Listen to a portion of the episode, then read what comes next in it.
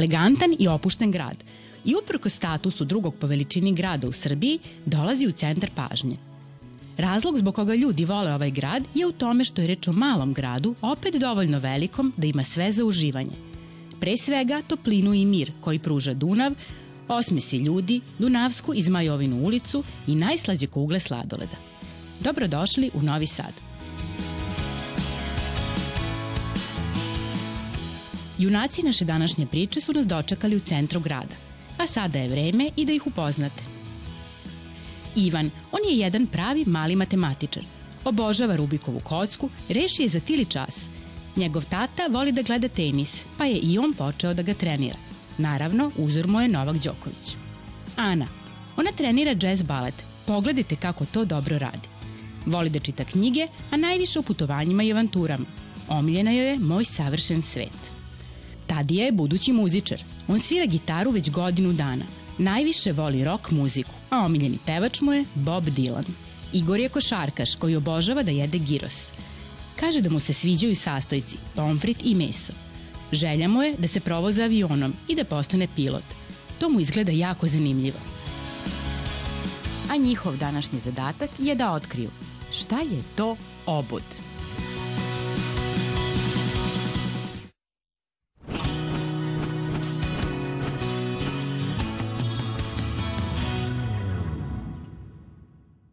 Ja mislim da je obod nešto sa čim bojimo ili tako nešto.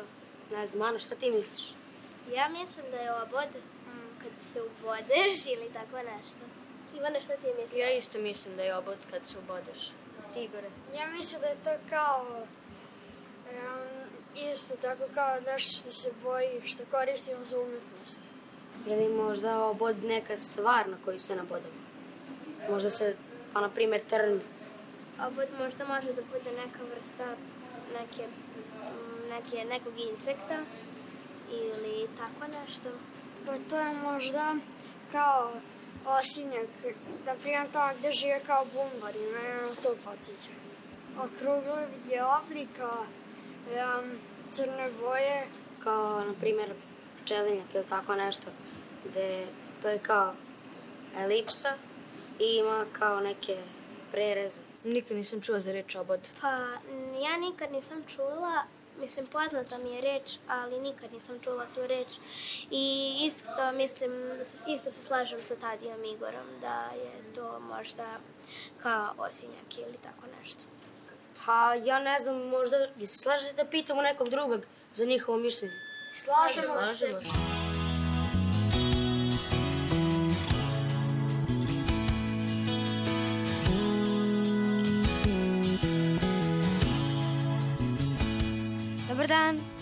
Može jedno pitanje. Šta vi mislite, šta je to obod? Obod? Da. E, okvir nečega. Ivica. pokriva nešto obod, kao kapa, kao šešir, kao to je sve obod. Pa mislim da je neki rub ili nešto tako. Dobar dan. E, dobar dan, drugari. Otkud vi? E, tražimo odgovor na jedno pitanje. O, pa, ajde uđite u biblioteku pa ćemo ovo potražiti. Se slažete? Da, slažemo se. Ajde, Hvala. dođite.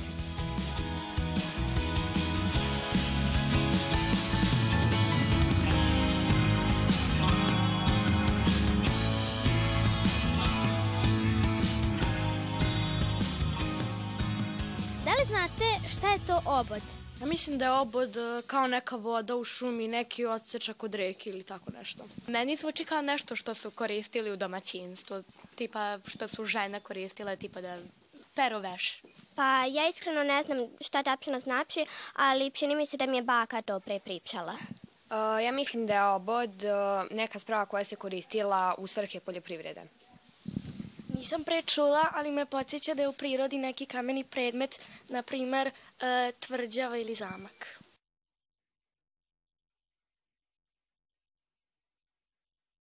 Čuli ste sigurno različite tumačenja. Za reč obod postoje e, razne varijante. Svašta su vam si- si- sigurno rekli sad dok ste istraživali, a ja volim uvek da potražim odgovor u knjigama. Pripremila sam sledeću knjigu, u pitanju je enciklopedija Novog Sada, pa da vidimo šta one kaže ovako. E, obod je reč koja se povezuje za r- šešir. Šešir ili klobuk je vrsta pokrivala za glavu, kažu sa užim ili širim obodom. Da je to dovoljno dobro rečeno? Znači, obod je onaj okvir šešir. Da. Jeste imali takav primer? Jedna žena je E, najčeš, najčešće se kao zanatski ili industrijski proizvod izrađuje od neke vrste filca ili nekog drugog materijala pogodnog za oblikovanje, od slame, od kože, e, štofa i drugih materijala, to ima sad raznih materijala. Koje... E sad, ovde imam jednu fotografiju koju vi ne možete najbolje da vidite, kako su neka dame i gospoda s početka čak 19. i 20. veka nosili ove šešire. A ono što je značajno je da on ima dugu istoriju, šešir kao pokrivalo za glavu. Za glavu spominje se e, u stepama Rusije i Azije jedna vrsta šešira, odnosno klobuka u Slo- kod starih Slovena, u antičkoj Grčkoj, u Rimu. Evo, recimo u Vojvodini, krajem 17. veka, seljaci su pokrivali glave kapicama, fesovima, a varošani građani su nosili klobuke i kalpake, tako se zvalo, pravljene od čohe, svile i kadife. Mm. Ja imam ovde čak jedan ovaj, podatak e, da je posle drugog svetskog rata bilo e, malo e, šešire i šeširđija, ali da je po popisu iz recimo iz 48. godine u Vojvodini radilo čak 66 radnji. E sad, jedina radnja u Novom Sadu e, u kojoj je nastavljen šeširički zanat je još e, i danas postojeća, ne znam da ste to znali, e, radionica za izradu šešira i kapa, e, koja se nalazi u ulici Poštanskoj broj 5A.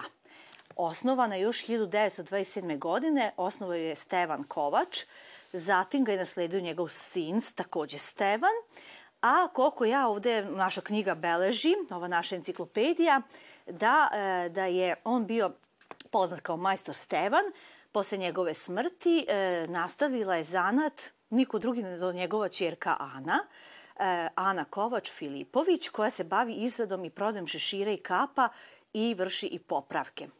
Dakle, ja vam preporučujem da odete do Ane, u ulicu Poštansku i da vidite kako to sve tamo izgleda. Ja mislim da vas ona već čeka. Hvala. Se slažete? Dobar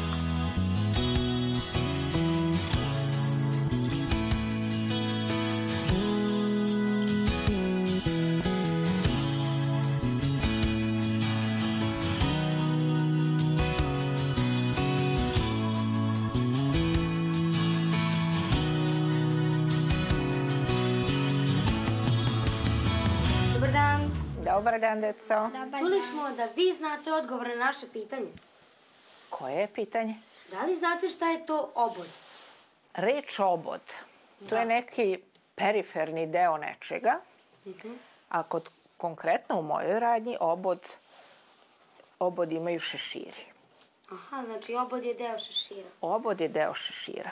Imamo, ovako krenemo, imamo oborene obode. Veličina i dužina oboda i širina oboda, kako mi kažemo majstori, širina oboda ima veći, manji, 8, 10, 12 cm. Ovo je jedan od 7 cm.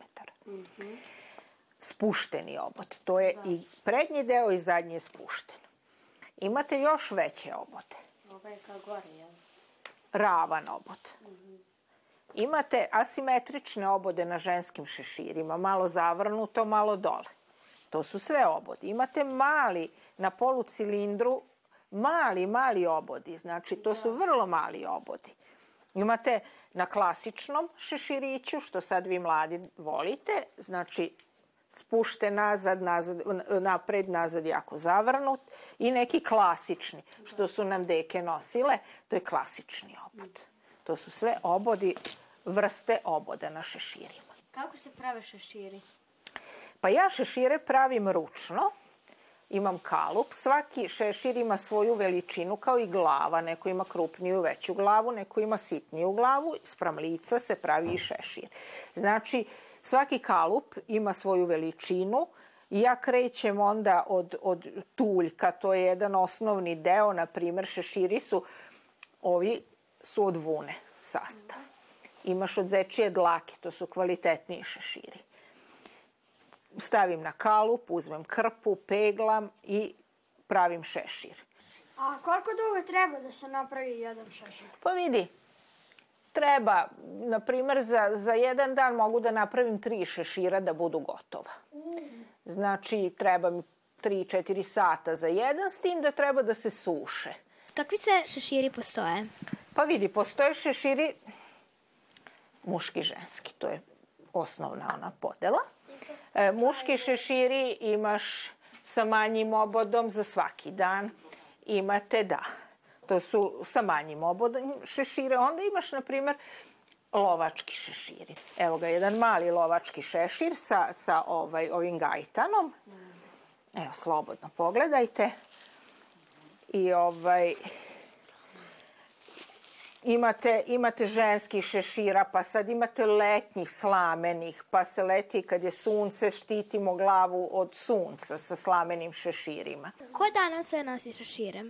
Pa nose e, stariji ljudi, obično nose, ne znam, vaše deke i bake uz bunde i tako lepi šeširi, ali poče, počeli su ovaj, i, i mladi momci da nose lepe šešire.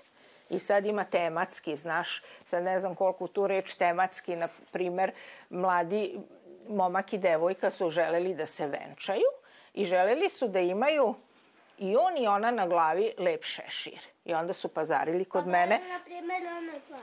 Momak je kupio Panama šešira, devojka je kupila tako jedan divan beli letnji šešir, sad ga nemam, prodala sam ga i onda je to tako bila lepa jedna tematska svadba sa šeširima i svi gosti su imali šešire.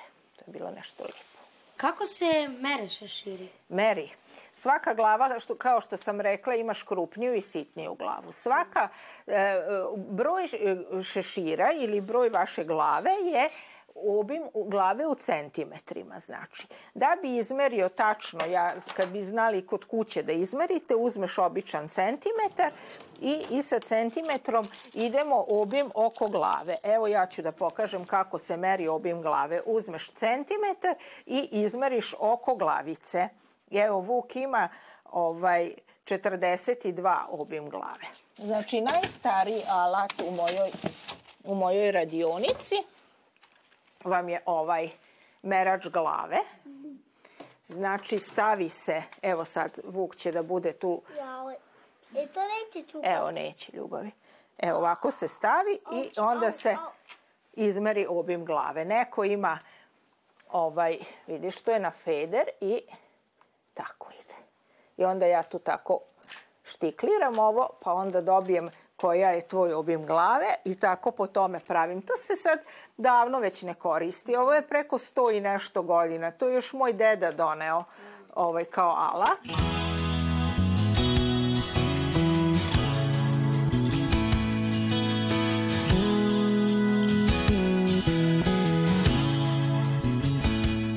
Jedan tuljak od vune, tamno sive boje. Imam kalup Kalup je broj 60, to je znači za malo krupniju glavu. Stavim kalup na postolje, stavim ovaj tuljak na na kalup da lepo legne. Uzmem mokru krpu, jednu pamučnu mokru krpu i ovaj vruću peglu i počnem da peglam. Znači pegla se šešir sa svih strana.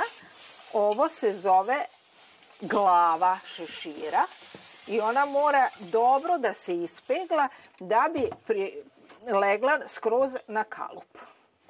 Kad sam ispeglala dobro glavu, onda ga skidam ovako sa ovog postolja, stavljam ga na ovu, ovo je radla, to je opet star jedan deo drveta, jedan kružni deo i onda ja stavljam to i peglam obod.